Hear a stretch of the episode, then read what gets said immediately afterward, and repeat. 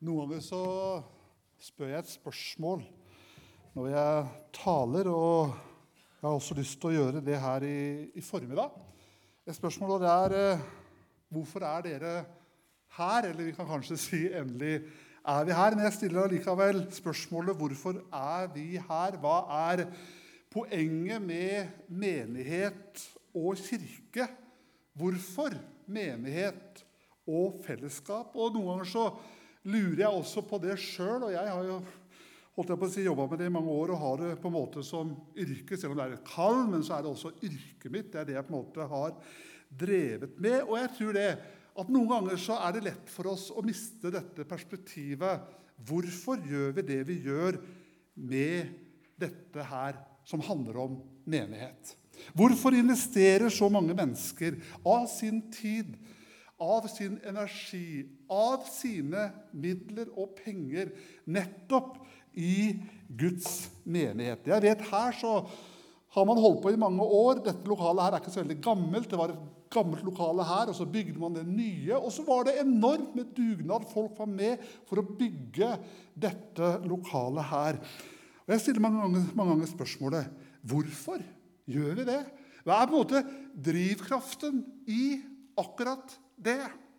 I dag så møtes det millioner av mennesker til gudstjeneste rundt i hele verden. Mennesker de treffes i jordhytter, de eh, treffes under trær, i hemmelighet, i enorme katedraler, i teater, på kaveer, i private hjem.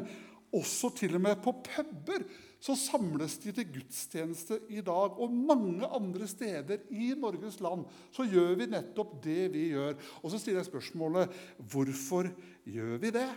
Og det er klart at Da håper man på at det må jo finnes et svar på det spørsmålet der. Det må finnes et godt svar. Ja, men det vet vi. Ja, men jeg har allikevel lyst til å ta opp dette her med fellesskap og menighet.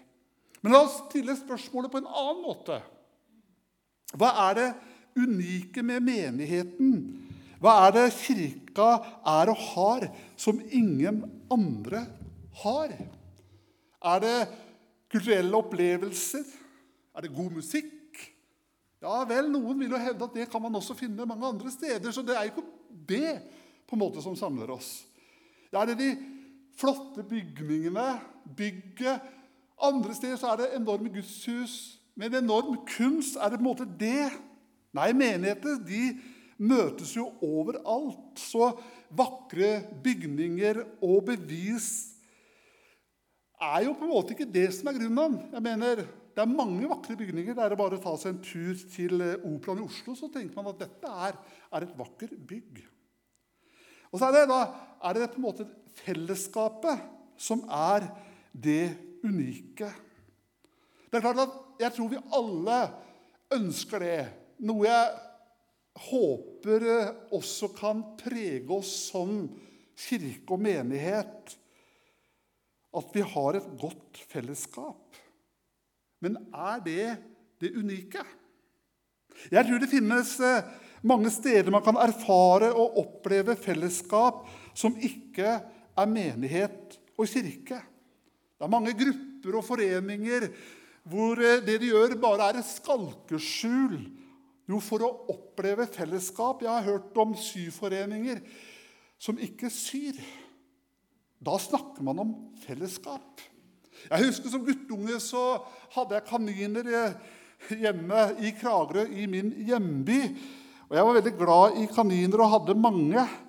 Og jeg var med i det vi kalte for Kaninklubben i Kragerø. Det var fint. Så når min kanin døde for at det var en hund som beit den i hjel, så går det en viss tid. Så får det en telefon, og så er det lederen av kaninklubben som ringer og spør Geir, hvordan har du det. Da snakker du om fellesskap. Men er Kirken unik fordi det er et sted man kan gjøre gode ting for andre? Ja, det kan vi, men, men det er jo ikke det som gjør oss unike. For det gjør man også på mange andre steder. Det var jo kristne som starta sykehus og Røde Kors. Så det er jo heller ikke unikt. Er en opprettholder av tradisjon.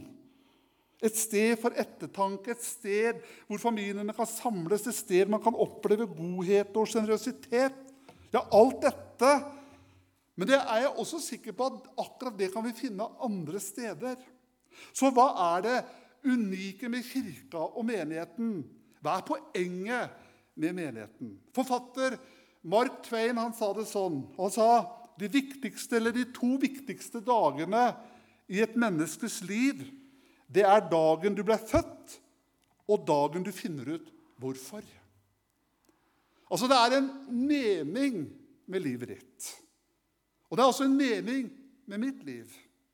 Det er hensikter med at akkurat du er til.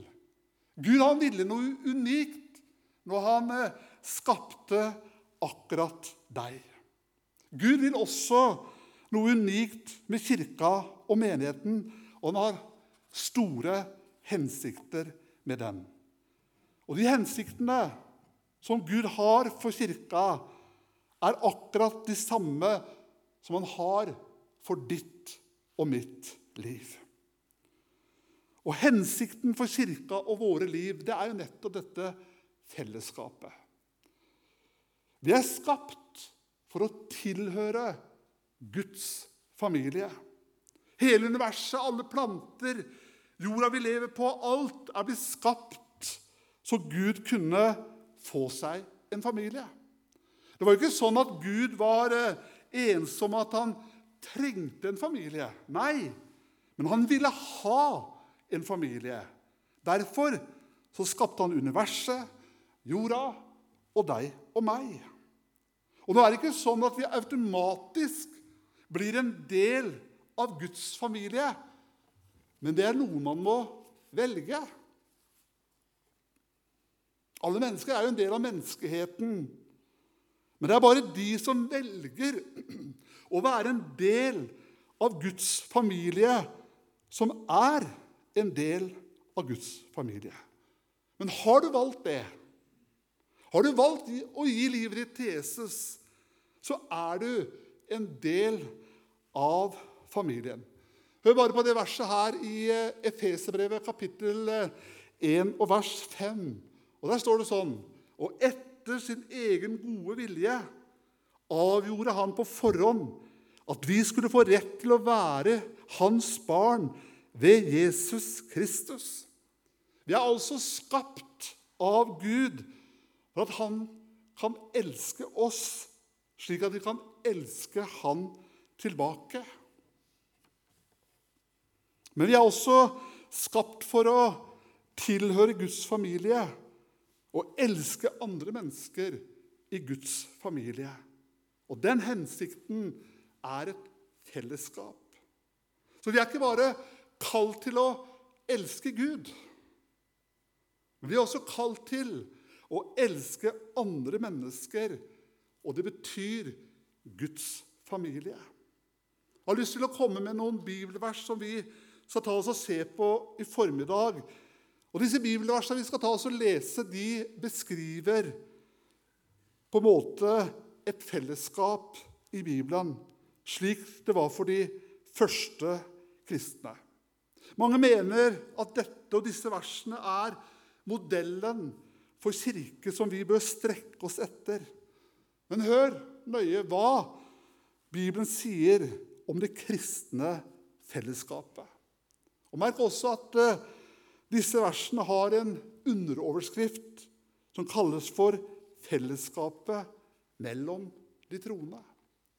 Og Vi leser Apostlenes gjerninger, kapittel 2, og fra vers 42 og til 47. De holdt, de holdt seg trofast til apostlenes lære og fellesskapet. Hver og en ble grepet av ærefrykt, og mange under og tegn ble gjort av apostlene. Alle de troende holdt sammen og hadde alt felles. De solgte eiendommene sine og det de ellers eide, og delte ut til alle som enhver enkelt trengte det. Hver dag holdt de trofast sammen på tempelplassen. De sang og lovpriste Gud og var godt likt av hele folket. Og hver dag la Herren til nye som lot seg frelse.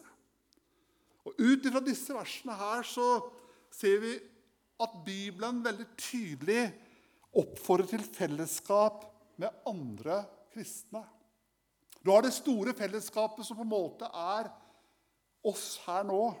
Vi er på en måte på en gudstjeneste. Det er mye folk til stede. Så det er jo ett fellesskap. Men ut ifra de versene her så er det også et mindre fellesskap, nemlig de små gruppene som møtes jevnlig i hjemmene. Og Hva gjør man der? Jo, det gjør man for å dele tro og liv på en nærere og en dypere måte. Og Det er altså ikke sånn at vi kristne kun skal fokusere på Gud og elske Ham. Det er klart at det er det aller viktigste vi gjør. Men det kristne livet det kan ikke leves i isolasjon og fjernt fra andre mennesker. Hør bare for disse versene fra 1. Johannes 4 og fra vers 11 og 12. Mine kjære, har Gud elsket oss slik, da skylder vi å elske hverandre. Ingen har noen gang sett Gud. Men dersom vi elsker hverandre, så blir Gud i oss, og hans kjærlighet er fullendt i oss. Og Vers 20 sier det sånn.: Den som sier 'Jeg elsker Gud', men likevel hater sin bror, er en løgner. For den som ikke elsker sin bror, som han har sett, kan ikke elske Gud, som han ikke har sett. Her ser vi at Gud gir en klar beskjed om at det å elske Gud, det elsker, og det innebærer å elske hverandre. Og det gir også en gjenklang i dette store kjærlighetsbudet i eh, Matteus 22. Det første og det største er jo å elske Gud. Men det neste er like stort. At du skal elske de neste som deg selv. Og Vi leser fra vers 37 i Matteus 22. Han svarte, 'Du skal elske Herren din Gud av hele ditt hjerte, av hele din sjel og av all din forstand.' Dette er det største og det første budet. Men det andre er like stort. Du skal elske de neste som deg selv. På disse to budene hviler hele loven og profetene. Det henger altså skikkelig tett sammen å elske Gud og det å elske andre. Det betyr at det å søke Gud alene, f.eks. i naturen, selvfølgelig ikke er feil. Jeg tror mange ganger så er det akkurat det man kan trenge å gjøre. Det står at Jesus han gjorde det også mange ganger. Han eh, søkte til øde steder for å være aleine med sin far.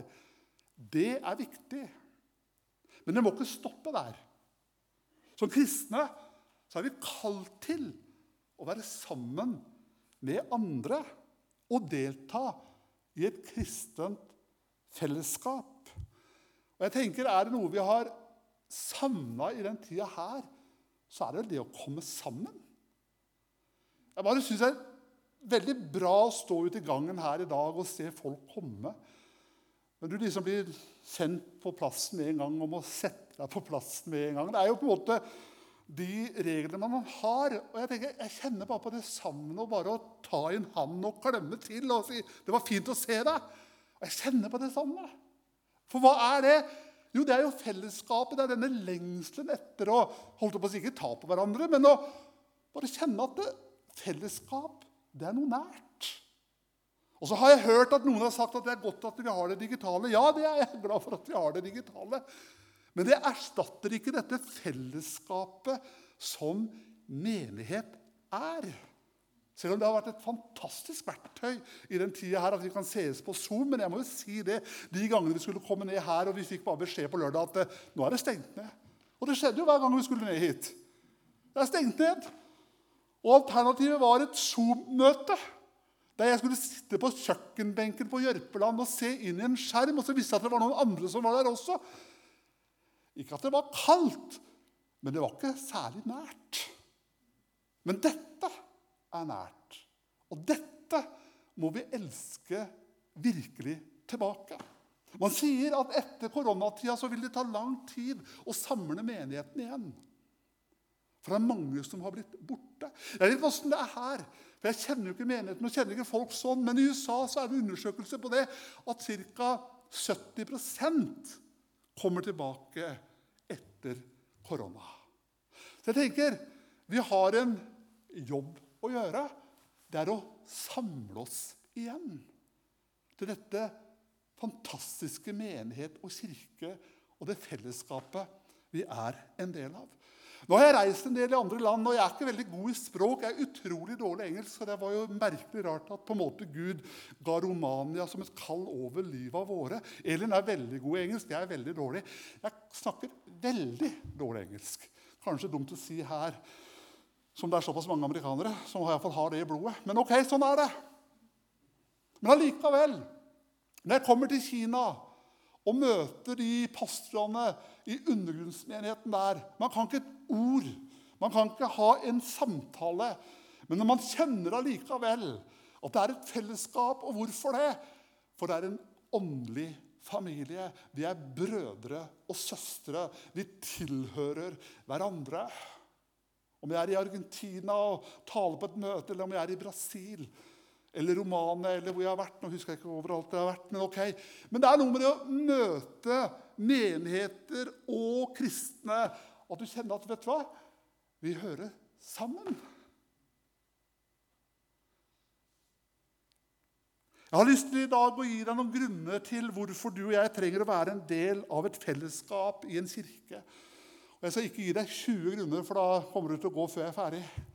Men jeg har lyst til å bare gi deg tre korte grunner som kan være grunner til hvor viktig det er å være en del av et fellesskap og en kirke. For det første, nummer én det gir sikkerhet for vår tro. I en menighetsfamilie så blir vi bevart, og vi kan passe på hverandre for at vi ikke faller fra. Vi er kalt til å involvere hverandres liv. Altså Ditt liv, det er jeg interessert i. Ditt liv er jeg opptatt av. Og kanskje du er også opptatt av mitt liv. Ingen av oss er immune mot synd eller det å drive vekk fra Gud og troa. Derfor så trenger vi å være kobla på et fellesskap, så vi hjelper hverandre å vandre som stødige kristne.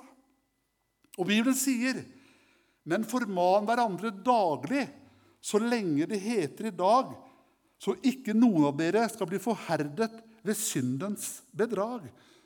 Og Med dette så mener jeg ikke at vi skal gå med en pekepinne på hverandres liv. Selv om noen ganger så kan det være litt lett å på en måte være opptatt av det som er feil, og opplagt hva som man gjør galt. Det er ikke det jeg vil fram til. Men vi trenger å ha gode kristne rundt oss som hjelper oss å se hvis vi er på feil kurs. Som kan hjelpe oss så vi ikke tråkker feil. Vi trenger også å være kobla på et fellesskap så vi hjelper andre så vi ikke faller fra troen. Så du og jeg vi trenger et fellesskap for å bevare oss som kristne. Jakob han sier det sånn Hvis du kjenner noen som har gått bort fra Guds sannhet, skal du ikke avskrive dem. Hæ. Men hva sier han? Du skal gå etter dem. Du skal følge dem, og så skal du få dem tilbake. Noe av grunnen til at jeg står her i dag, at det er bevart For jeg var på vei bort fra Gud i min ungdom. Ganske kraftig. Mye av grunnen til at jeg står her i dag, det var at noen som gikk etter meg, som tok tak i meg, som dro meg tilbake til fellesskapet. Og kanskje du også sitter her i dag og er en av dem. At det var noen som så deg. Det var noen som ba for deg. Det var noen som var interessert i deg. For den onde, han elsker å få kobla troende fra Kristi kropp og isolere dem fra Guds familie. Hva blir man da? Jo, da blir man svakere, og så blir man et lettere bytte for den onde og hans strategier. For han er ute for å myrde, stjele og ødelegge. Han er ute etter å dra mennesker bort fra fellesskapet. Det er ikke alltid lett for rovdyr å ta dyr som er i en flokk. Noen rovdyr vendte dermed å peke seg ut et byttedyr som er kommet vekk fra flokken. For det er mye lettere å ta. Derfor så trenger vi ikke mer avstand. Vi trenger å komme enda nærmere. Det andre er at fellesskapet det gir sikkerhet mot livets stormer. Som vi så i Apostlenes gjerninger, så oppfordres vi kristne til å være med i det store fellesskapet, altså tempelplassen, som vi nå er en del av. Men det sa også noe om det lille fellesskapet i hjemmene. Og du husker vi leste at hver dag de trof, kom de trofast sammen på tempelplassen, og i hjemmene så brøt de brødet og spiste med oppriktig og hjertelig glede. Derfor har jeg lyst til i dag også si litt om dette her som handler om dette lille fellesskapet. Så hvis ikke du er med i et mindre fellesskap, så er det en appell. Vet du hva? Jeg tror det er viktig for oss å være med i et mindre fellesskap i våre liv. Vi trenger det store fellesskapet. Det å komme sammen og feire og kjenne på det. Men vi trenger også dette mindre fellesskapet. Der vi møtes i en stue, der vi møtes og vi kan åpne og være ærlige med livet våre. Som nevnt overfor så sikrer fellesskapet troa vår. Jeg tror når livet blir tøft, så gir det også sikkerhet mot livets stormer. Det er kanskje ikke sånn bare med meg at du har opplevd stormer i livet. Livet ble ikke helt som du tenkte. Det ble ikke helt som du planla. Men det kom en storm. Det er klart at Man kan gå på et møte og være litt anonym. I dag så kan du komme litt seint, og du kan gå fort igjen. Det er kanskje ikke så mange som merker det. Men det å være kobla på et mindre fellesskap, være til stede, sette seg ned med andre. Det å skape de gode og nære relasjonene som virkelig kan støtte og holde hverandre oppe. Der kan vi stå til ansvar for hverandre, og der kan vi bære hverandres byrder. Galaterbrevet 6,2 sier det sånn Bær byrdene for hverandre, og oppfyll på den måten Kristi lov. Jeg tror I småfellesskap i disse mindre gruppene så kan vi få lov til å være med og oppfylle Kristi lov ved at vi bærer hverandres byrder. Jeg snakka med en som hadde opplevd et ekteskapsbrudd. Men han hadde greid å få ekteskapet på fote igjen og tilbake. Men han sa til meg og fortalte at eh, det som var utrolig viktig for meg, Geir, det var å ha et fellesskap i menigheten i den tøffe perioden. Å ha et sted å komme til, et sted å få støtte, forbønn og noen å stå sammen med.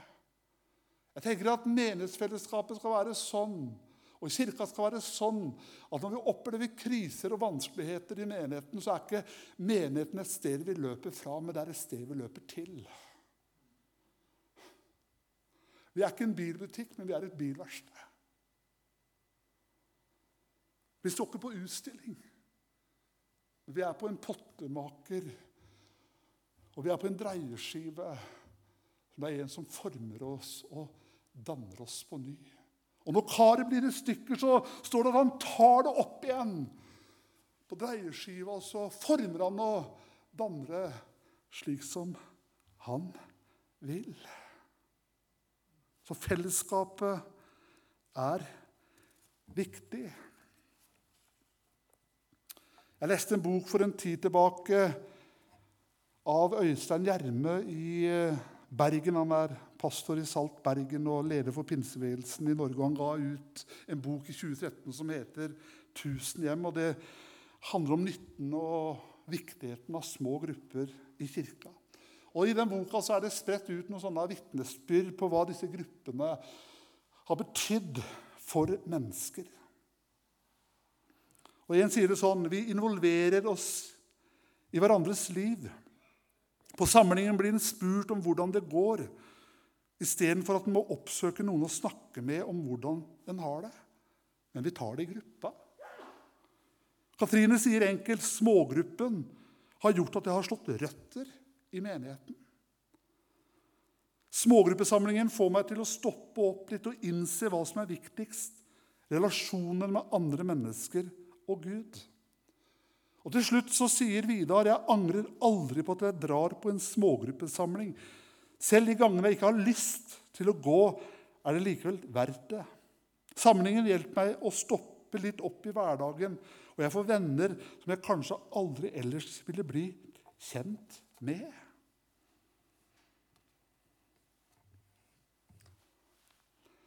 Jeg hørte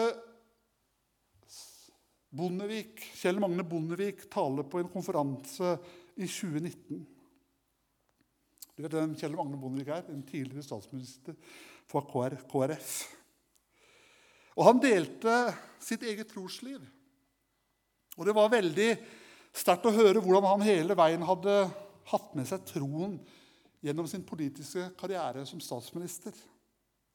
Han fortalte at eh, når det var en vanskelig sak som skulle diskuteres på Stortinget, og han skulle opp på talerstolen, så ba han inni seg om hjelp idet han gikk over det røde teppet og opp på talerstolen. Han fortalte at han samla de troende på Stortinget til bibellesning og bønn. Han fortalte at han satt høyt det å gå på gudstjeneste hver søndag. Og da innebar det som statsminister han måtte dra med seg hele følget av livvakter inn på gudstjeneste i Den norske kirke. En av dem var sønn av en pinsepastor, og han tenkte at det har han bare godt av. Han fortalte også at han hadde tilhørt en samme bibelgruppe og et småfellesskap i 36 år. Og han selv, når han var statsminister, så prioriterte han denne bibelgruppa. Han satte av tid til det er fordi det var så utrolig viktig for han. Og det folkens, er en god oppfordring til oss også. Jeg tror ingen av oss er så travle som en statsminister. Så hvis statsministeren i Norge prioriterer dette småfellesskapet og bruker tid på det i en travel hverdag, så tror jeg også vi har mulighet til det. Så hva gjør fellesskapet? Det sikrer vår tro, det gir sikkerhet mot livets stormer. Til slutt, og da skal jeg snart lande og Det tredje grunnen til at vi trenger fellesskap i kirka, det er rett og slett at relasjoner er det aller viktigste i livet. Og Det er det jeg har lyst til å trekke fram. Det aller viktigste i livet, det er kjærlighet. Gud vil at vi skal være i regelmessig kontakt med andre troende, så vi kan øve i oss i å elske andre. Kjærlighet kan ikke utøves eller læres i isolasjon. Vi må være regelmessig i kontakt med andre mennesker for at kjærligheten skal blomstre. Den første hensikten med våre liv det er nettopp det å lære å elske Gud. Den andre er å lære å elske andre mennesker. Og Husk hva Jesus sa, at det aller viktigste budet det er å elske Gud og elske andre mennesker. Så relasjoner blir da det viktigste i livet. Relasjonen til Gud og relasjonene til andre. Meninga med livet er kjærlighet. Det å elske. Det å lære seg å elske. Det å lære seg å elske Gud og lære seg å elske andre mennesker. Derfor så trenger vi fellesskapet. Vi trenger kirka. Vi trenger et sted vi kan komme, så vi kan lære å elske andre som Jesus elska andre. Der vi kan lære å elske ekte mennesker med deres feil og mangler. Og da jeg, Noe av det sterkeste jeg vet, det er at mennesker er glad i meg på tross av mine feil og mangler. Vi trenger dette fellesskapet. Vi trenger dette stedet å komme, og vi kan glede oss til høsten når koronaen er i ferd med å roe seg ned, og vi ja, håper på en bortimot normal hverdag, selv om den kanskje ligger litt lenger framme. Men det går jo mot lysere tider.